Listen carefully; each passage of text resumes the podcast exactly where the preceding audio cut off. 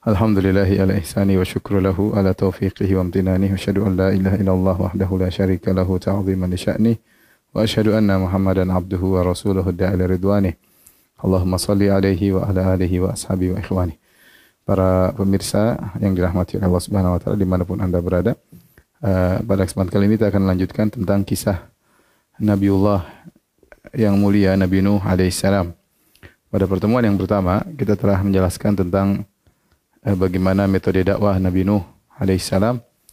Dan pada pertemuan yang kedua ini kita melanjutkan pembahasan yaitu tentang bagaimana sikap kaum Nabi Nuh terhadap dakwah Nabi Nuh alaihissalam.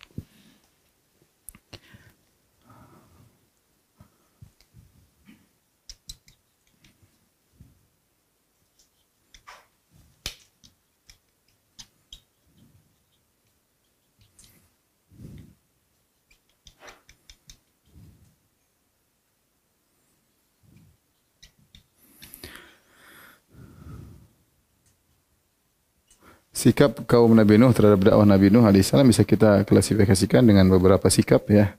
Yang pertama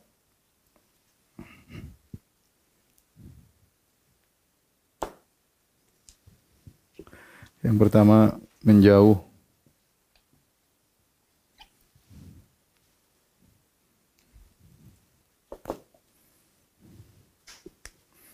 Ya semakin lari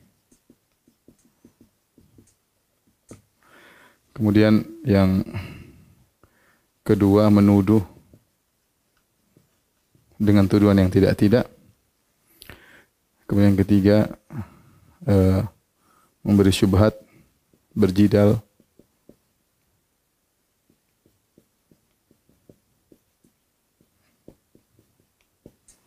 Dan yang keempat membuat makar.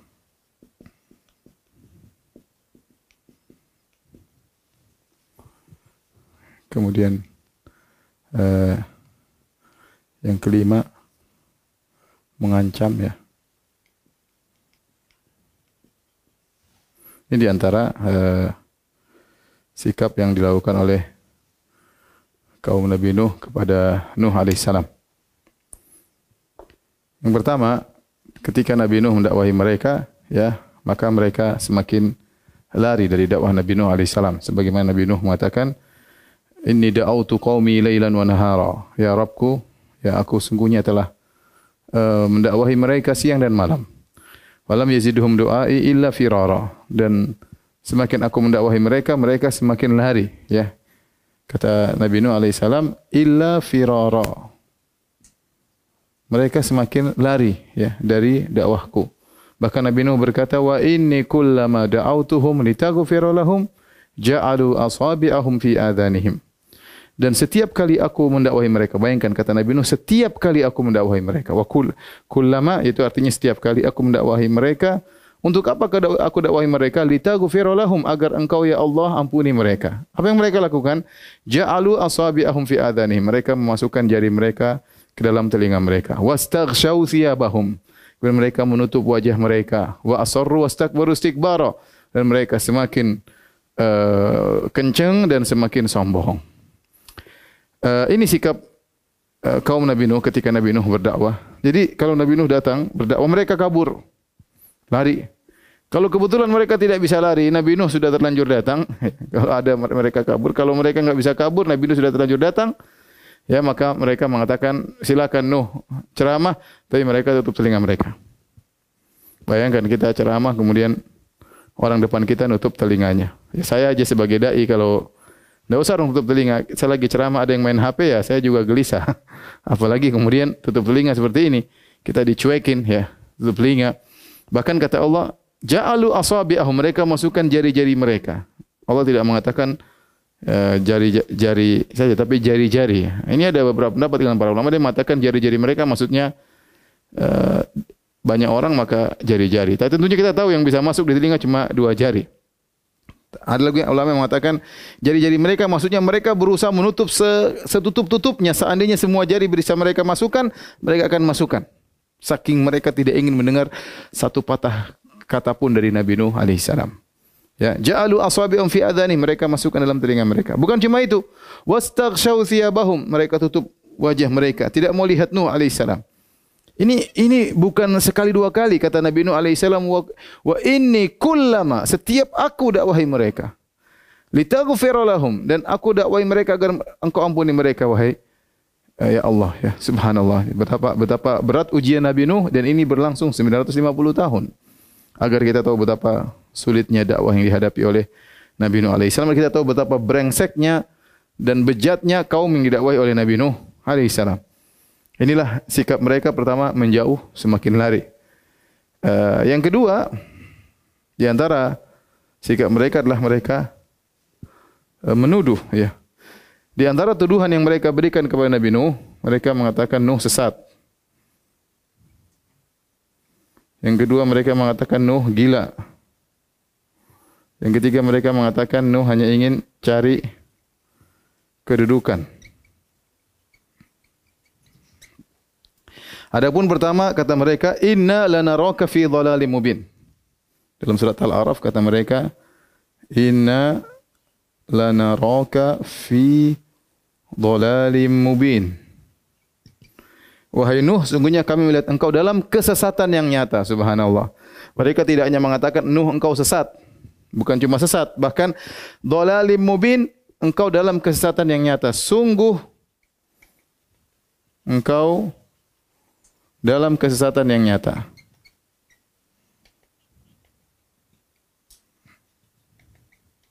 Bayangkan tuduh, tuduhan pertama. Ya.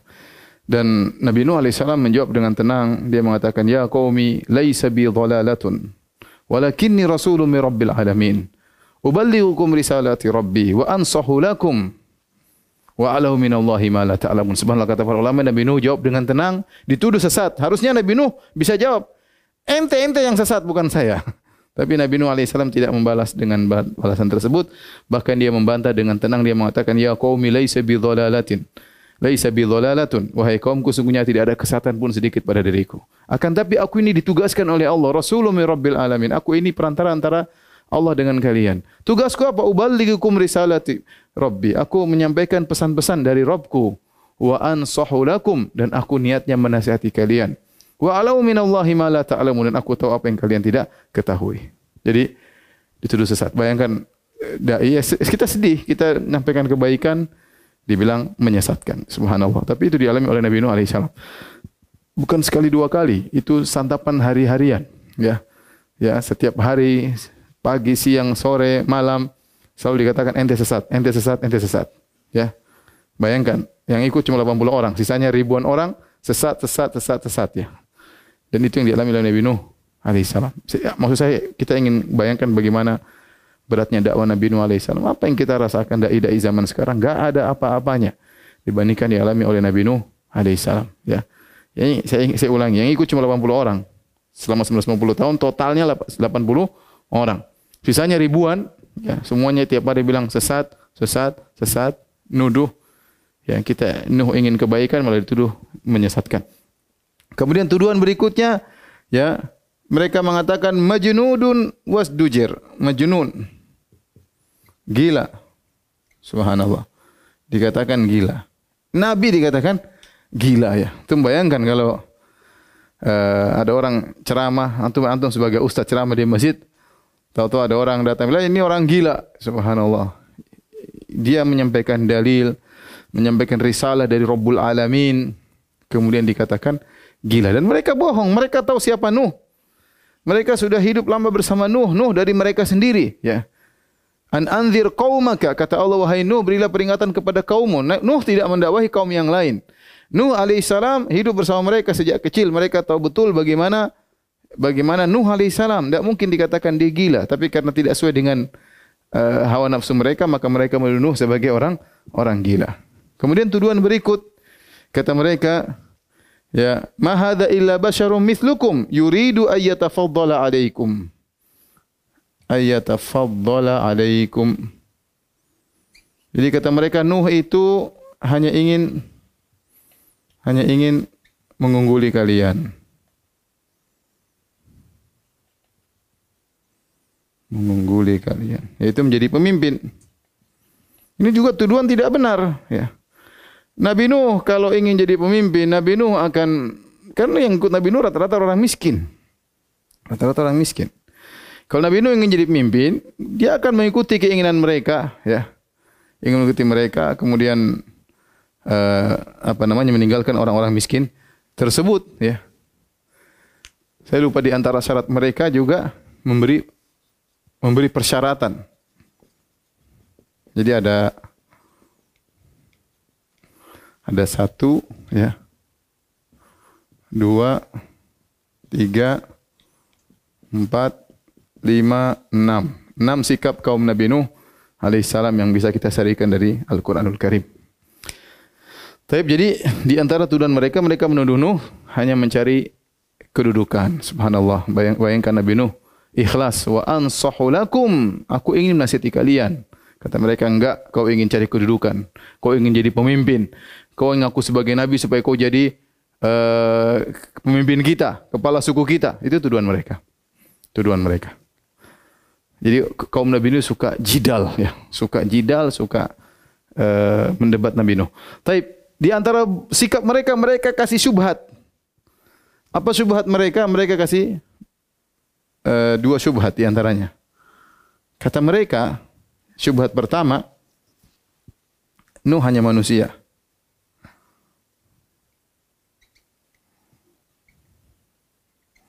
Bagaimana manusia ya bisa dapat wahyu dari Tuhan? Harusnya malaikat ya.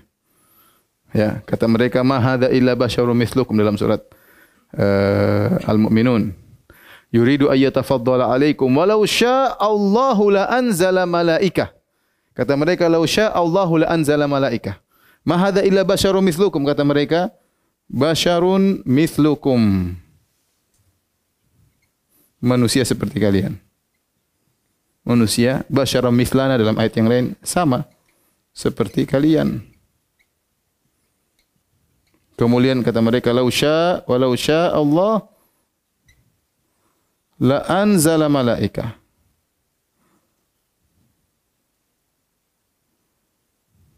Ma sami'na bi hadza fi aba'ina al-awwalin. Kata mereka kalau Allah berkehendak Allah akan turunkan malaikat bukan manusia yang jadi apa? Yang jadi rasul. Ya, kita enggak pingin utusan Tuhan seperti kita. Kita maunya malaikat, ya. Subhanallah. Ini syubhat mereka berikan untuk menolak dakwah Nabi Nuh alaihi. Mereka tidak punya dalil sebenarnya, tapi mereka sengaja syubhat untuk cari dalih, untuk cari argumen untuk bisa menolak dakwah Nabi Nuh alaihi. Ini syubhat yang pertama. Nabi Nuh jawab syubhat ini. Kata Nabi Nuh alaihi ya, Ya qaumi ara'aytum in kuntu ala bayyinatin min rabbi wa atani rahmatan min indih. Fa ummiyat alaikum. Anulzimukumuha wa antum laha karihun. Kata Nabi Nuh alaihi salam wahai kaumku ya. Ya ara'aytum bagaimana menurut kalian? Ya. Kalau aku berada di atas bayinah di atas dalil di atas petunjuk wa atani rahmatan min indi dan Allah memberikan aku rahmat dari sisinya. Allah berikan kenabian Allah berikan kenabian kepadaku. Fa ummiyat alaikum. Tetapi kalian dibutakan oleh Allah Subhanahu wa taala. Disamarkan. Subhanallah. Jadi kata Nabi Nuh sebenarnya saya dalilnya banyak. Cuma kalian tidak tidak bisa lihat. Kalian dibutakan mata kalian oleh Allah Subhanahu wa taala. Bukti bahwasanya nabi banyak. Ya. Tapi kalian hanya cari-cari alasan. Ya. Jadi memang saya manusia seperti kalian. Bedanya saya dikasih rahmat dari Allah. Ya. Kenapa kalian menolak? Ya. Jadi Nabi Nuh bantah mereka. Dan sebenarnya kalau malaikat kalau utusan dari malaikat ya tidak bisa ditiru di antara rahmat Allah Allah menjadikan para rasul dari kalangan manusia agar bisa diteladani. Syubhat yang kedua kata mereka pengikut Nuh hanya orang miskin. Pengikut Nuh alaihissalam hanya orang-orang miskin. Orang-orang hanya orang-orang miskin.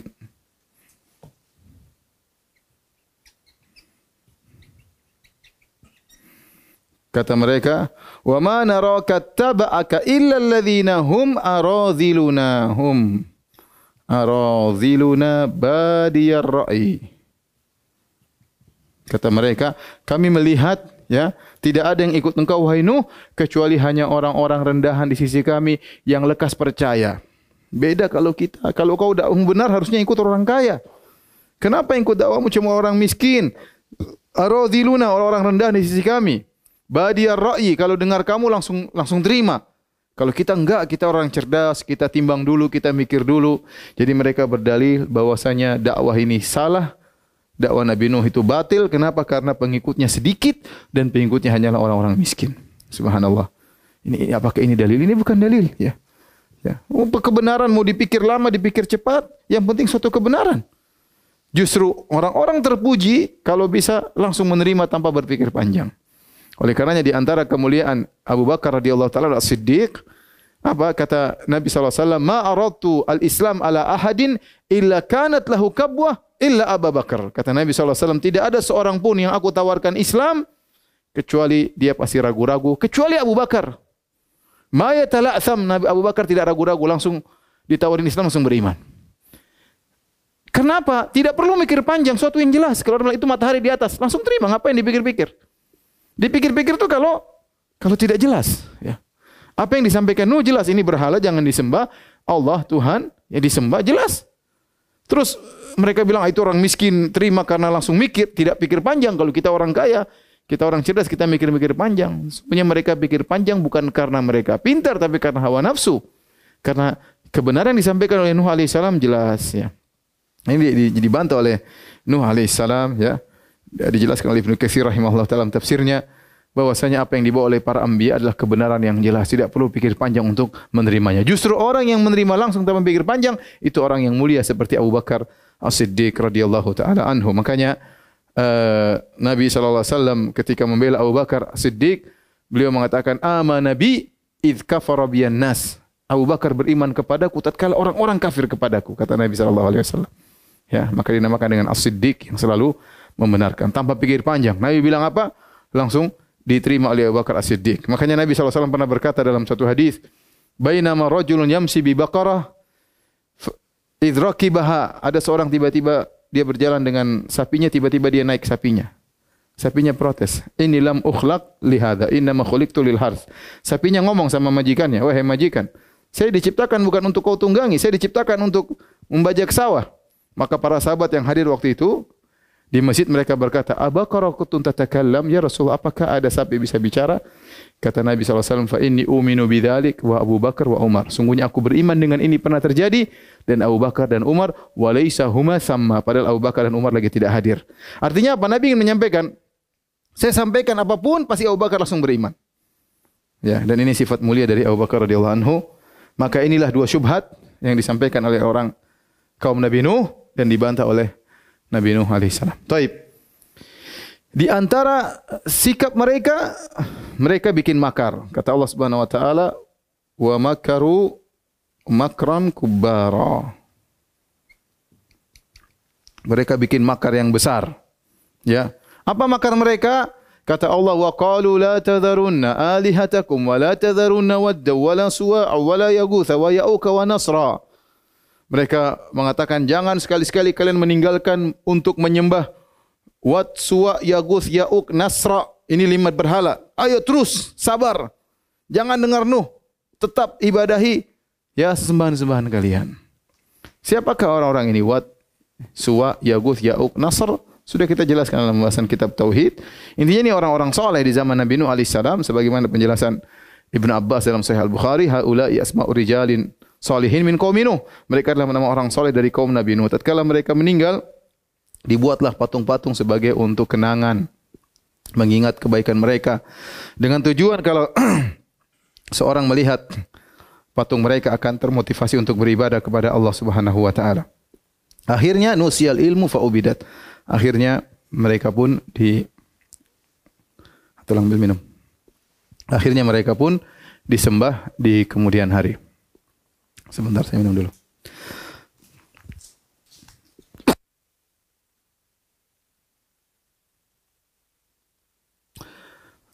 Jadi itulah makar mereka. Jadi Nabi Nuh berdakwah, mereka juga berdakwah. Ini pembesar-pembesar kaum Nabi Nuh, mereka juga berdakwah kepada kaum mereka. Ayo jangan dengar Nuh, sembahlah sembahan-sembahan kalian. Wat suwa yaguth ya'uk nasra berhala-berhala sembah mereka. Terus Jadi Nuh berdakwah, mereka juga berdakwah. Ini makar yang besar kata Nabi Nuh. Kenapa? Makar mengajak orang untuk berbuat kesyirikan.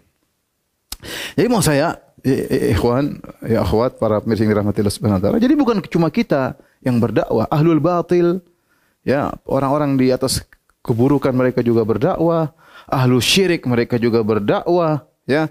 Bahkan mereka memiliki biaya yang besar untuk berdakwah, ya. Sebagaimana Allah sebut dalam Al-Quran yang ayat yang lain, animshu wasbiru ala alihatikum.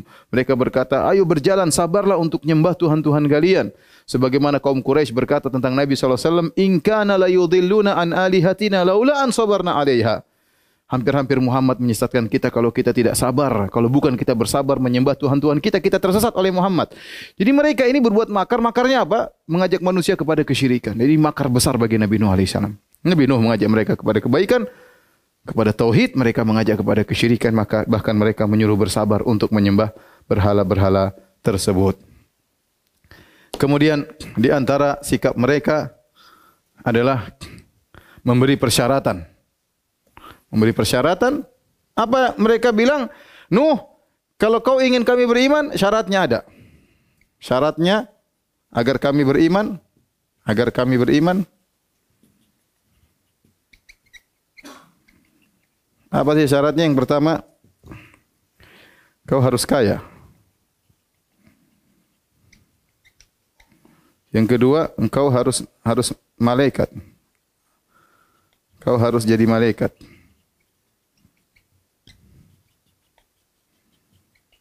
Kemudian tiga, kau harus meninggalkan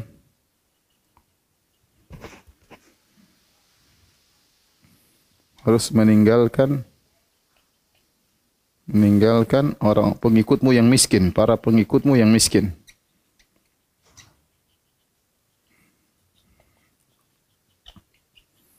Yang keempat, kau harus tahu ilmu gaib. Subhanallah. Ini sebenarnya ini syarat-syarat apa ini? Ini syarat-syarat kalau dalam istilah orang Arab namanya syurut takjiziyah ya. Syurut takjiziyah syarat-syarat yang mustahil syarat-syarat mustahil untuk dipenuhi. Mereka kasih persyaratan ini buat apa? Bukan untuk beriman, tapi untuk supaya bisa tidak beriman. Karena mereka tahu Nuh tidak bisa penuhi. Dan inilah kebiasaan para uh, orang-orang kafir terhadap Nabi dari mereka. Contoh saya contohkan seperti Nabi Soleh. Nabi Soleh, dakwah mereka sudah capek, mereka bilang, Soleh, kalau kau beriman, kalau kau ingin kami beriman kepadamu, itu batu besar keluarkan onta dari situ dalam kondisi bunting. Ya, tentunya mereka niatnya supaya Nabi Soleh enggak bisa. Ternyata bisa. Begitu keluar mereka tetap tidak beriman. Contoh Fir'aun. Mau beriman apa syaratnya? Mau beriman wahai Musa, duel sama para penyihirku. Kalau kau menang saya beriman. Ternyata waktu Nabi Musa alaihissalam menang, kata mereka apa namanya? Innahu lakabirukum alladhi 'allamakum sihir. Ini Musa guru kalian rupanya yang ngajarin kalian sihir. Kalian sudah bersekongkol untuk berbuat penipuan. Jadi itu syarat-syarat syarat takjiziyah hanya syarat yang bukan untuk mereka beriman tapi hanya sekedar untuk lari dari keimanan supaya mereka tidak. Jadi syarat dipasang bukan untuk beriman supaya tidak beriman. Dan Nabi Nuh dikasih syarat seperti ini. Ya. Apa Nabi Nuh menjawab? Nabi Nuh tidak bisa penuhi, ya. Wala aqulu lakum indi khazainullah wala a'lamul ghaib wala aqulu inni malak wala aqul ladzina tasdari a'yunukum lan yu'ti lan yu'tiyahumullahu khaira. Allahu a'lam bi imanihim. Ya. Wa ma ana bi taridil ladzina amanu innahum mulaqu rabbihim walakinni arakum qauman tajhalun. Kata Nabi Nuh, Nabi Nuh jawab semua ini dalam satu ayat. Kata dia, syarat ini ya harus kaya kata dia ya aku tidak memiliki khazainullah aku tidak memiliki Allah subhanahu wa taala kekayaan bukan milikku Allah mau kasih kasih enggak enggak ya wala wala amlikul ghaib wala aku wala aqulu inni malak. Aku tidak mengetahui ilmu gaib dan aku tidak berkata aku adalah seorang malaikat. Aku bukan malaikat aku tidak ilmu gaib aku nabi. Aku tidak punya kekayaan Allah. Aku tidak tahu ilmu gaib aku bukan malaikat. Ya dan aku tidak akan wa ma ana bi taridil ladzina amanu. Dan aku tidak akan mengusir orang-orang yang miskin meskipun mereka miskin telah beriman kepadaku aku tidak akan mengusir mereka. Ya Ya. Wa ya qaumi may yansuruni may yansuruni min Allah in tarattuhum. Afala tadhakkarun? Wahai kaumku, kalau aku nuruti kemauan kalian, aku usir ni orang miskin, Allah kasih aku azab, siapa yang tolong aku? Kalian mau tolong aku? Enggak, subhanallah. Nabi dia bilang, iya, kalau saya ikuti kalian, ini orang miskin saya usir. Kalian jadi pengikutku, tahu-tahu Allah kasih adab. Siapa yang tolong aku? Iman kepada Allah luar biasa, iman kepada hari akhirat. Ya. Nabi Nuh tidak mau memenuhi persyaratan mereka. Satu pun tidak dipenuhi. Satu pun tidak dipenuhi persyaratan mereka. Gimana Nabi harus tahu ilmu gaib? Tidak. Nabi tidak tahu ilmu gaib. Harus kaya. Nabi enggak harus kaya. Ya. Pengikutnya harus kaya. Tidak. Pengikut enggak harus kaya. Ya. Harus jadi malaikat. Enggak. Itu bukan syarat-syarat Nabi. Tidak dipenuhi oleh Nabi Nabi Nuh alaihissalam. Akhirnya mereka jengkel tatkala debat ya tatkala debat uh, dialog tidak berhasil kalah akhirnya pakai apa? Pakai otot. Apa kata mereka? La illam tantahi ya nuhu la takunanna minal marjumin. Kata mereka la takunanna minal marjumin. Wahai Nuh, kalau kau tidak berhenti, kami akan merajammu. Sungguh kami akan merajammu.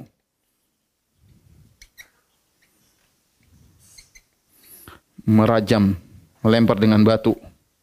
Merajammu. Subhanallah. Inilah ya. Uh, ancaman mereka karena mereka sudah bosan mereka bilang, Nuh, sudah berhenti Nuh. Ini sudah 950 tahun. Capek kami dengar apa?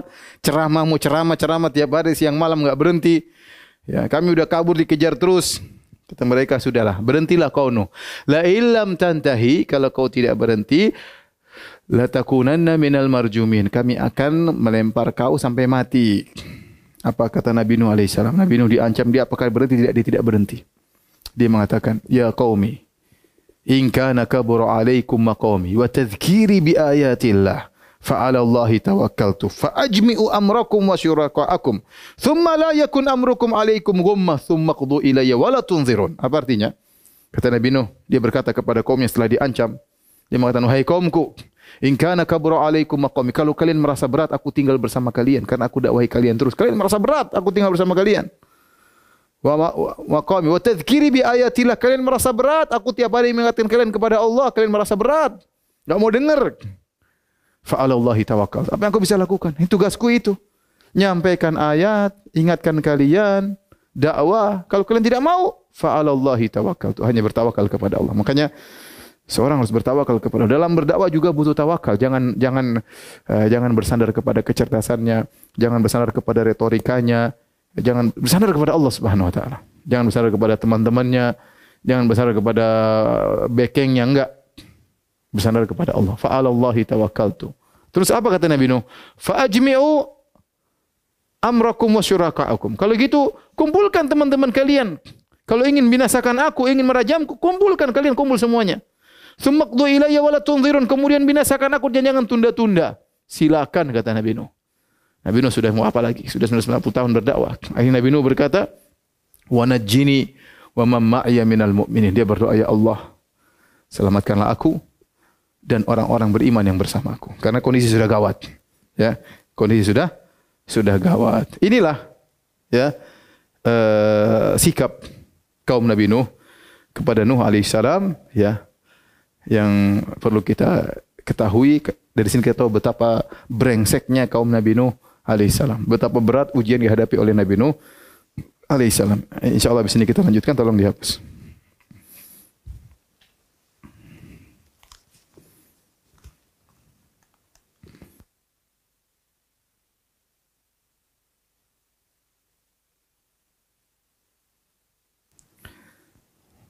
Taib.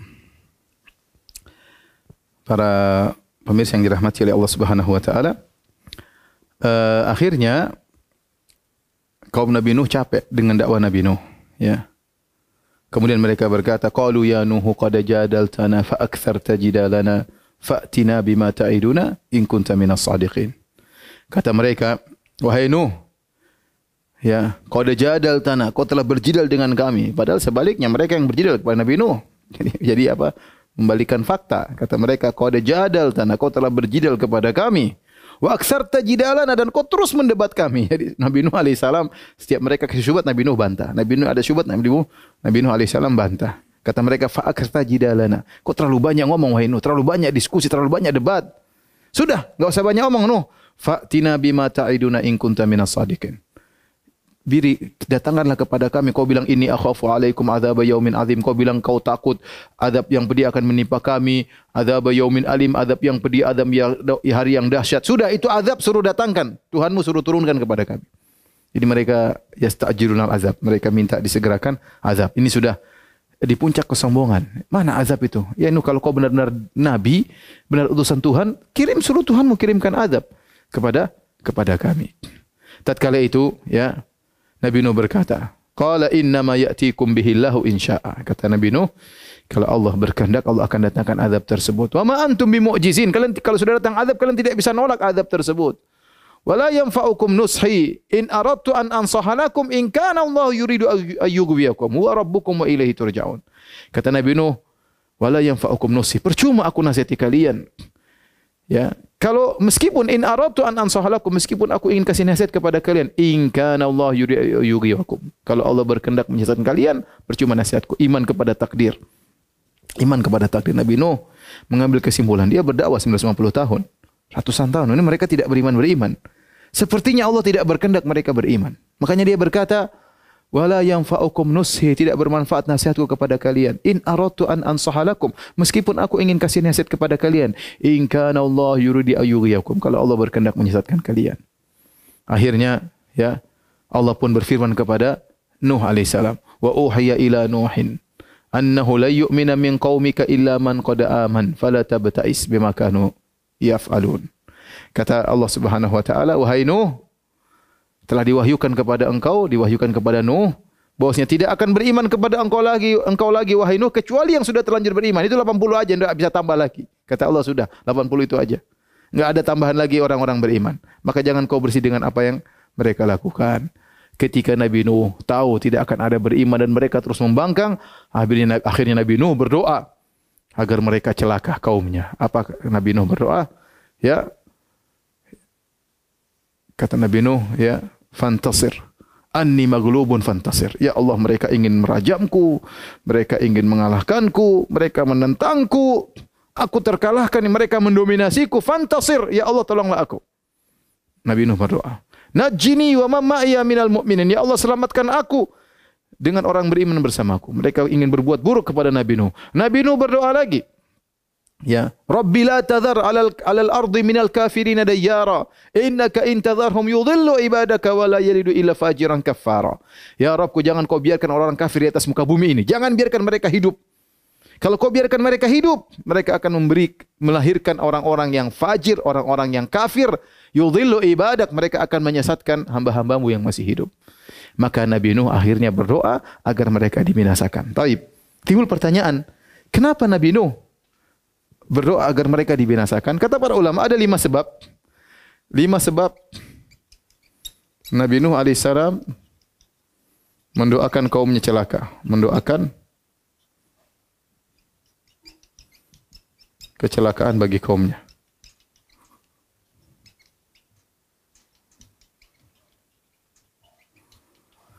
Yang pertama, Allah sudah mengabarkan, Allah mengabarkan mereka tidak akan beriman. Mereka tidak akan beriman. Ini yang pertama. Tadi wa uhayya ila nuhin annahu la yu'mina min qaumika illa man qad aman. Kata Allah diwahyukan kepada Nuh tidak akan beriman kecuali yang sudah terlanjur beriman, yang belum tidak akan beriman. Yang kedua, ya.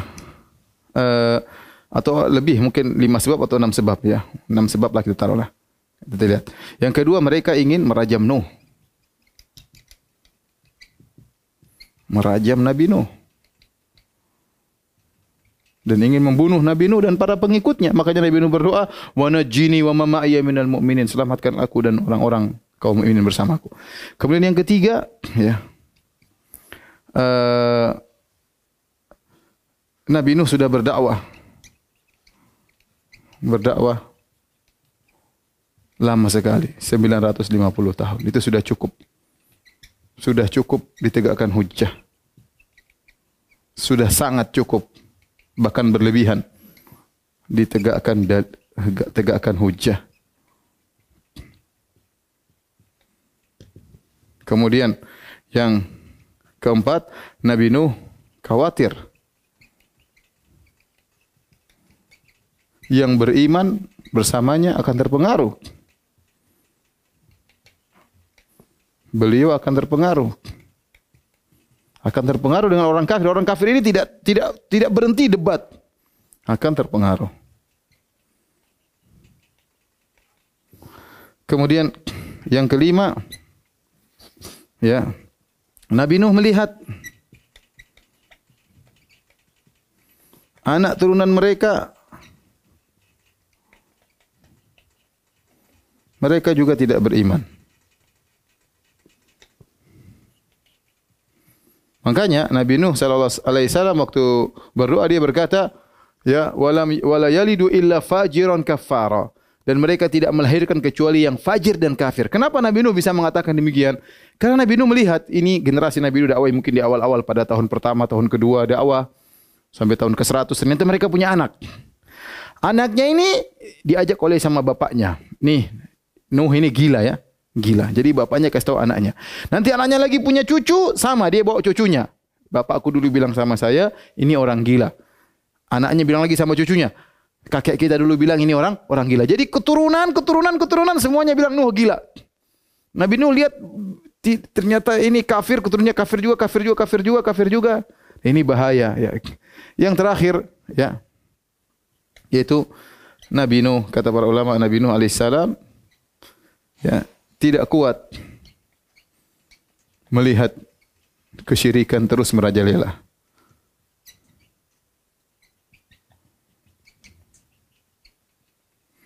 Merajalela. Jadi mungkin ada yang berkata, kenapa Nuh mendoakan keburukan bagi kaumnya? Sudah kita ceritakan tadi kaumnya yang brengsek dan ini antara sebab-sebab kenapa Nabi Nuh alaihissalam akhirnya mendoakan keburukan kepada kaumnya. Akhirnya Allah mengabulkan doa Nabi Nuh alaihissalam. Allah mengabulkan doa Nabi Nuh alaihissalam. Apa yang Allah lakukan? Apa yang Allah perintahkan kepada Nabi Nuh? Allah suruh Nabi Nuh bikin kapal.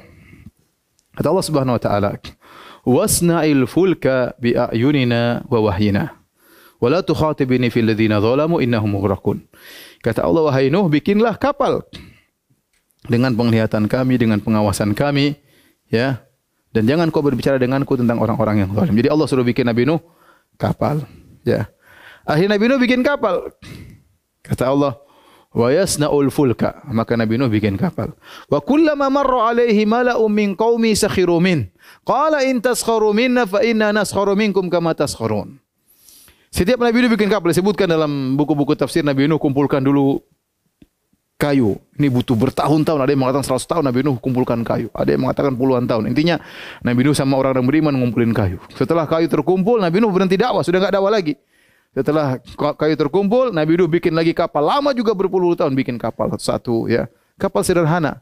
ya Zatu al-wahin wa dusur. Cuma lempengan-lempengan kayu dan paku-paku. Kapal sederhana. Bikinlah.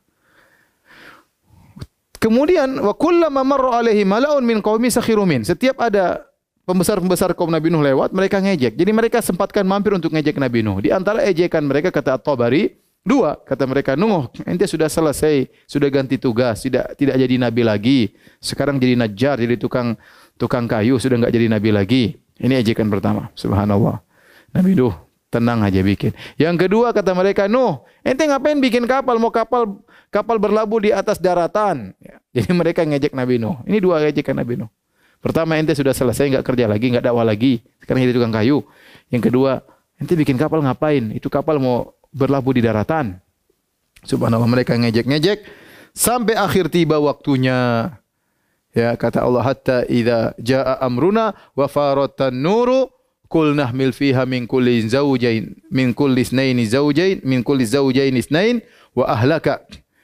Kata Allah Subhanahu wa taala nanti kalau sudah keluar air wa faratan nur sampai dapur juga keluar air artinya dapur yang harusnya keluar api keluar air. Di mana-mana sudah keluar air mata air di mana-mana maka angkatlah orang-orang beriman angkatlah hewan-hewan burung-burung ya jadi disebutkan oleh sebagian ahli tafsir Allah menyuruh Nabi Nuh bikin kapal tiga tingkatan. Ya Allah alam ini juga enggak ada dalil cuma sekedar perkataan mereka uh, tingkat pertama untuk hewan-hewan, tingkat kedua untuk uh, manusia, tingkat ketiga untuk burung-burung. Uh, jadi disuruh dibawa semua sepasang-sepasang. Karena Allah ingin menghabiskan seluruh yang ada di alam semesta. Inilah sepasang-sepasang ini nanti akan memiliki keturunan di atas muka bumi. Jadi suruh naikin. Keluargamu juga bawa. Eh, apa anak-anakmu bawa semua, bawa semua. Kemudian apa uh, mantu-mantumu orang beriman seluruh bawa di atas di atas kapal. Ya. Kata Allah Subhanahu wa taala, "Fa fatahna abwaabas samaa'i bima'in munhamir wa fajjarna al-ardha uyunan faltaqal ma'u ala amrin qad qudir." Kata Allah, maka kami pun bukakan pintu-pintu langit. Oh, pintu langit terbuka semua. Hujan deras. Munhamir, hujan deras enggak berhenti. Allah kirimkan air dari atas. Kemudian dari bawah juga, bahwa fajjarnal ardha uyunan. Allah jadikan Allah bukan mengatakan kami bukakan mata air, bukan. Tetapi tanah-tanah jadi mata air. Di mana-mana keluar air. Tadinya enggak ada sumber air, tahu-tahu jadi mata air. Sampai begitu banyak mata air sampai hatta idza faratan nur. Hatta idza ja'a amruna faratan nur sampai dapur pun keluar air. Dapur yang harusnya tungku itu keluar api, keluar air. Air sudah di mana-mana. Luar biasa. Begitu cepat air keluar, begitu cepat dari langit, tidak berhenti. Air yang deras dari bawah juga air yang deras. Maka Nabi Nuh alaihissalam kemudian naik di atas kapalnya bersama orang-orang yang beriman. Kemudian kata Allah Subhanahu wa taala, Nabi Nuh berkata, "Wa qala ya bismillah majraha wa mursaha. Inna rabbi laghafurur rahim." Ya. Kata Nabi Nuh, bismillah majraha wa mursaha. Berjalanannya kapal dan ujungnya juga kapal, ya. Jadi Nabi Nuh berdoa agar kapal bisa berlabuh dengan baik dan bisa mendarat dengan dengan baik. Ya, Nabi Nuh berdoa demikian ya. Apa namanya? Fa idza stawaita anta wa ma'aka 'alal fulki faqul hamdulillah alladzi najjana minal qaumidh dhalimin wa qur rabbi anzilni munzalan mubarakan wa anta khairul munzilin. Nabi Nuh berdoa, ya Allah, sandarkanlah kami pada tempat yang berkah. Jadi Nabi Nuh berdoa berjalannya dan bersandarnya. Ya, karena berjalan ketika bersandar juga susah nanti. Nabi Nuh berdoa semuanya, semuanya menunjukkan tawakal kepada Allah Subhanahu wa taala. Maka kata Allah, "Wa hiya tajri bihim fi maujin kal jibal." Subhanallah. Kata Allah Subhanahu wa taala, itu kapal kata Allah, "Wa hiya tajri bihim fi maujin kal jibal." Maka kapal tersebut kata Allah berlabuh dalam ombak ini dalam ombak seperti gunung. Jadi kita bisa bayangkan ya. Ini ombaknya seperti gunung. Kata para ulama berarti anginnya kenceng banget. Jadi bukan cuma air datar, bukan cuma air keluar gini, tapi bergelombang. Kita lihat sekarang kalau kita lihat uh, banjir di kita lihat sekarang di Jakarta, di Bekasi, di mana-mana, tidak ada jadi gelombang, tidak ada jadi ombak. Cuma air keluar mengalir begitu saja. Tapi waktu banjir yang di zaman Nabi Nuh bukan cuma mengalir datar, jadi gelombang seperti gunung, bukan seperti rumah, seperti gunung, ratusan meter mungkin bisa kilometer. Ya, berarti anginnya kenceng kata para ulama, dikenceng luar biasa sampai bergoyang luar biasa. Kata Allah sampai begitu dahsyatnya ombak tersebut kata Allah wahia tajri bihim fi maujin. Sampai kapal tersebut seperti mengalir dalam ombak. Artinya seakan-akan masuk ombak. Jadi maksudnya ombak itu di atasnya sampingnya kirinya sampai dalam ombak mengalir kapal tersebut. Subhanallah. Kapal apa? Kapal sederhana. Kata Allah wa hamalnahu ala dzati alwahin wa dusur. Kami angkat Nabi Nuh di atas ya kapal yang cuma dibuat dari papan sama paku. Kapal sederhana tetapi kapal tersebut berlabuh dengan bismillah itu masalahnya. Itu yang buat kapal tersebut selamat. Bukan kapal besar, bukan kapal mewah, bukan kapal dengan mesin, kapal sederhana. Wa hamalnahu ala dzati alwahin wa dusur. Tetapi Nabi Nuh berkata, bismillah. Subhanallah. Maka mulailah orang-orang tenggelam, orang-orang tenggelam, tenggelam, tenggelam. Ya, kata Allah, kata Nabi Nuh, "Inna Rabbi rahim." Ya. Bismillahirrahmanirrahim mursaha inna rabbi laghafurur rahim. Waktu Nabi Nuh berkata bismillah, dia berkata di akhir doanya inna rabbi laghafurur rahim. Sungguhnya Rabbku Maha Pengampun lagi Maha Penyayang. Para ulama membicarakan, kenapa Nabi Nuh berkata sungguhnya Rabbku Maha Pengampun lagi Maha Penyayang padahal ini lagi ombak. Harusnya inna rabbi la syadidul azab, la syadidul iqab. Harusnya Nabi Nuh berkata sungguhnya Tuhanku azabnya pedih. Sungguhnya Tuhanku hukumannya parah. Tetapi di tengah-tengah azab Nabi Nuh berkata inna rabbi la ghafurur rahim. Sungguhnya Rabbku lah Maha Pengampun lagi Maha Penyayang. Apa maksudnya?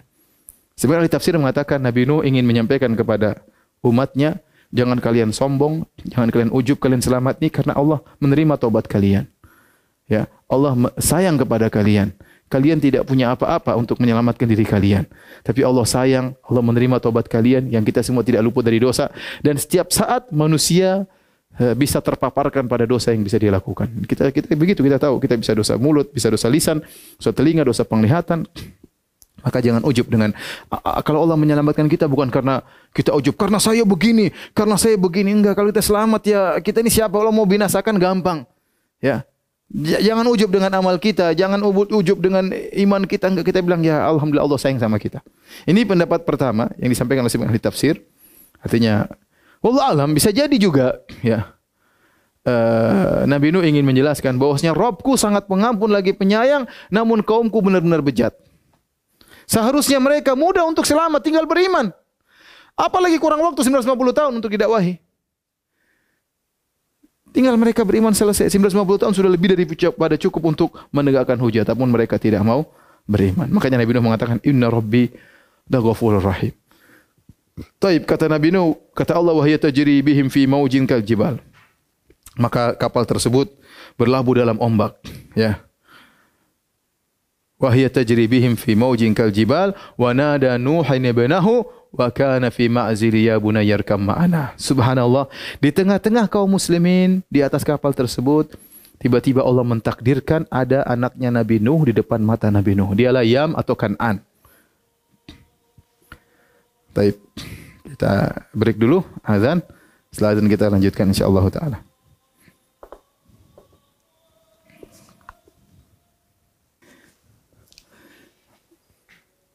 para pemirsa yang dirahmati oleh Allah Subhanahu wa taala.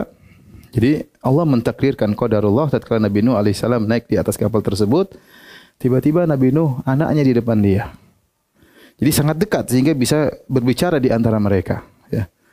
Wa nada Nuh ibnahu. Maka Nabi Nuh kesempatan. Ratusan tahun dakwahi anaknya, buah hatinya yang bernama Yam atau Kan'an ini Nabi Nuh alaihissalam berkata, "Ya bunayya arkam ma'ana." wahai putraku naiklah bersama kami.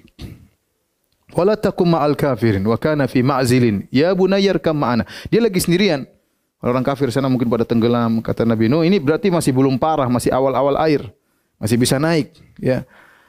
Irkam ma'ana naik wala takum ma'al kafirin jangan kau bersama orang-orang kafir kata para ulama Nabi Nuh alaihi salam dengan penuh kelembutan manggil anaknya dia pertama dia panggil dia mengatakan ya bunayya dan itu panggilan bukan ya ibni Orang Arab kalau bilang ya bunaya itu lebih sayang lagi. Eh, tasgir dari ibni. Ya bunaya itu anakku. Wahai anakku. Ya. Dia tidak mengatakan, oh, hei si kafir, wahai durhaka, tobat, sana naik yuk. Enggak. Nabi Nuh, kesempatan terakhir. Tetap dia mengedepankan kelembutan kepada anaknya. Ya bunaya rekam ma'ana, naiklah kepada kami. Nabi Nuh berkata, "Wala takum al kafir." Jangan kau bersama orang kafir seakan-akan anaknya bukan sama mereka sudah naiklah. Bahkan kata para ulama Nabi Nuh tidak mengatakan berimanlah kau berimanlah kau sebelum tenggelam, tidak karena dia tahu anaknya itu tidak mau beriman dari dulu ratusan tahun tidak mau beriman. Maka dia bilang yang penting naik dulu nanti kita diskusi, naik dulu. Dengan penuh kesedihan Nabi Nuh terus ya dia diskusi terus wahai anakku, wahai anakku naik, ayo naik. Tapi apa kata anaknya? Dia dia mau. Dia mengatakan qala sa'awi ila jabali ya'simuni minal ma. Wahai Nuh, aku akan berenang menuju ke gunung yang akan melindungi aku. Inilah banjir enggak ada masalah. Kita akan naik ke atas ke atas gunung. Ngeyel. Sudah mau mati ngeyel demikian orang kalau sudah ya dicabut keimanannya, ditutup hidayahnya, apapun kondisinya peringatan datang dia tidak akan peduli. Kata dia, "Sa'awi ila jabali ya'simuni minal ma." Aku akan naik atas gunung dan aku akan selamat. Qala la 'asimal yawma min amrillah ila marrahim. Kata Nabi Nuh, tidak ada yang bisa selamat kecuali yang Allah rahmati. Nabi Nuh sedang berdiskusi aja agar agar anaknya berfikir, enggak bisa anakku kau tidak akan selamat. Tiba-tiba wahala bainahumal mauj tiba-tiba ada ombak menghalangi mereka berdua. Wa kana minal mukraqin. Akhirnya tenggelam. Subhanallah. Tenggelam di hadapan matanya kesempatan terakhir anaknya tidak tidak beriman. Akhirnya terus semua sudah tewas, sebuah binasa, seluruh orang kafir binasa semuanya. Ya. Maka Allah mengatakan wakila ya ardu bala'i ma'aki wa ya samau aqli'i wa ghidhal ma' wa qudiyal amr wastawat 'alal judi. Maka Allah mengatakan wahai langit, wahai bumi telanlah airmu, air surut. Wa ya samau aqli'i wahai langit berhentilah dari dari hujanmu, berhenti. Keputusan telah ditetapkan, kemudian kapal Nabi Nuh kemudian bersandar di sebuah gunung namanya Al-Judi. Wastawat al-Judi. Gunung Al-Judi ini di mana? Enggak ada yang tahu. Enggak ada yang tahu. Ada yang mengatakan di Turki, ada yang mengatakan di mana, Azerbaijan atau mana, atau di Jazirah Arab, Allah alam bisawab. Ya. Tidak ada yang tahu. Allah tidak menjelaskan di mana bukit Al-Judi tersebut. Intinya, akhirnya Nabi Nuh turun bersama ya pengikutnya. Kemudian Nabi Nuh sedih maka dia berdoa kepada kepada Allah. Dia mengatakan, Inna bni min ahli, wa inna wa'adakal haq, wa anta ahkamul hakimin. Kata Nabi Nuh, Ya Rabku, sungguhnya putraku, ya, adalah dari keluargaku. Dan engkau telah berjanji bahwasanya engkau akan menyelamatkan keluargaku. Apa yang bagaimana anakku? Seakan Nabi Nuh berkata dia sudah tidak selamat, selamatkan di akhirat. Kasih sayang seorang ayah kepada anak. Dia berdoa, sementara sudah anak sudah tewas, mau diapain? Nabi Nuh tidak mengatakan hidupkan dia kembali, tapi ya sudahlah. Itu anakku mau diapain? Ya. Kau sudah berjanji untuk menyelamatkannya, maka Allah mengingatkan. Allah mengatakan, ya, wa ahlaka illa man sabaka alaihi alqawlu minhum illa alladhina zalamu. Ya, kata Allah semua kamu selamatkan keluargamu kecuali yang telah ditetapkan mereka tidak selamat. Di antaranya anaknya yang kafir. Wala tukhatibni fil ladzina zalamu. Kata Allah jangan kau berbicara kepadaku tentang orang-orang yang zalim. Anakmu termasuk orang yang zalim. Maka Allah menjawab Nabi Nuh, Allah mengatakan, Innahu laysa min ahlik. Wahai Nuh, anakmu itu Yam atau Kanan itu bukanlah dari keluargamu. Innahu amalun ghairu saleh. Dia telah melakukan perbuatan yang salah, kafir kepada Allah Subhanahu wa taala. Fala tas'alni ma laysa laka bi'ilm. Jangan kau minta kepadaku yang kau tidak punya ilmu. Ini a'udzuka an takuna minal jahilin. Jangan aku menasihati engkau ya Nuh, jangan kau menjadi orang-orang yang tidak tidak benar. Maka Nabi Nuh pun minta maaf kepada Allah Subhanahu wa taala. Kemudian ya Nabi Nuh alaihi salam ya setelah itu beliau berdoa juga Rabbi ghfirli wa li walidayya wa liman dakhala baitiya mu'mina wa lil mu'mina wal mu'minat wa la tazidi zalimina ila tabara. Nabi Nuh berdoa juga kepada kaum mukminin, ya Rabbku ampunilah aku, ya. Ampunilah kedua orang tuaku. Firli wali walidayya. Berarti menunjukkan kedua orang tua Nabi Nuh mukmin. Istrinya kafir, putranya satu kafir, tapi orang tuanya mukmin. Makanya Nabi Nuh berkata, "Rabbi ghfirli wali walidayya." Ampunilah kedua orang tuaku. Wali man dakhala baiti mu'minan juga orang yang masuk ke rumahku dalam kondisi beriman untuk mengecualikan istrinya yang kafir dan juga mengecualikan anaknya yang kafir kan kanan atau yam. Ya. Wal mu'minin wal mu'minat dan aku doakan kepada kaum min kaum minat. Nabi Nuh mendoakan seluruh kaum min kaum minat. Inilah kisah dari Nabi Nuh alaihissalam. Ketika Allah menyampaikan kisah Nabi Nuh kepada Nabi SAW, kata Allah Subhanahu Wa Taala, ya apa namanya? Uh, inilah ilmu gaib. Ma kunta ta'lamuha anta wala qaumuka min qabli hadha fasbir innal aqibata lil muttaqin. Kata Allah wahai Muhammad sallallahu alaihi wasallam, inilah ilmu gaib yang aku kabarkan kepadamu. Kau tidak tahu tentang kisah ini dan kaummu juga tidak tahu kisah sedetail ini. Fasbir bersabarlah. Sungguhnya kesudahan yang baik bagi orang-orang yang yang bersabar.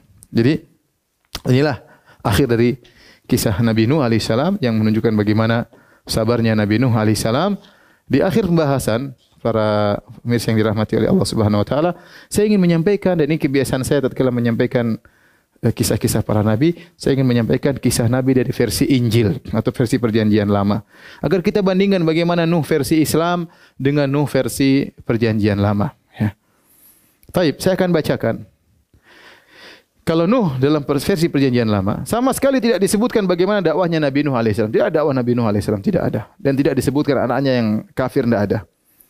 Tidak disebutkan juga istrinya yang kafir, tidak ada. Cuma Nuh, ya eh, orang baik Allah selamatkan. Jadi Islam tidak dalam Islam Al-Quran sebutkan bagaimana dakwahnya Nabi Nuh dan itu bisa kita jadikan contoh. Adapun versi Injil tidak demikian. Saya bacakan ya. Berikut kisah Nuh alaihissalam versi perjanjian lama. Perjanjian lama maksudnya Taurat. Ya. Taurat, perjanjian baru maksudnya Injil, digabung namanya Alkitab. Atau Alkitab. Ya. Bible itu terdiri di atas perjanjian lama, yang itu Taurat. Kemudian perjanjian baru Injil digabungkan.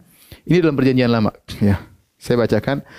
Ketika dilihat Tuhan, bahwa kejahatan manusia besar di bumi, dan bahwa segala kecenderungan hatinya selalu membuahkan kejahatan semata-mata, maka menyesallah Tuhan. Jadi kata mereka, Tuhan melihat banyak kerusakan, manusia bikin kerusakan, Tuhan menyesal. Subhanallah. Memang Tuhan menyesal. Kalau Tuhan menyesal enggak tahu apa yang dia kerjakan. Orang menyesal itu orang bahlul. Waduh, saya enggak tahu, makanya menyesal. Berarti dia tidak rencanakan. Islam enggak, Islam adalah takdir. Sebelum Allah jalan Allah tulis semuanya di Lauhul Mahfuz. Gimana mau menyesal?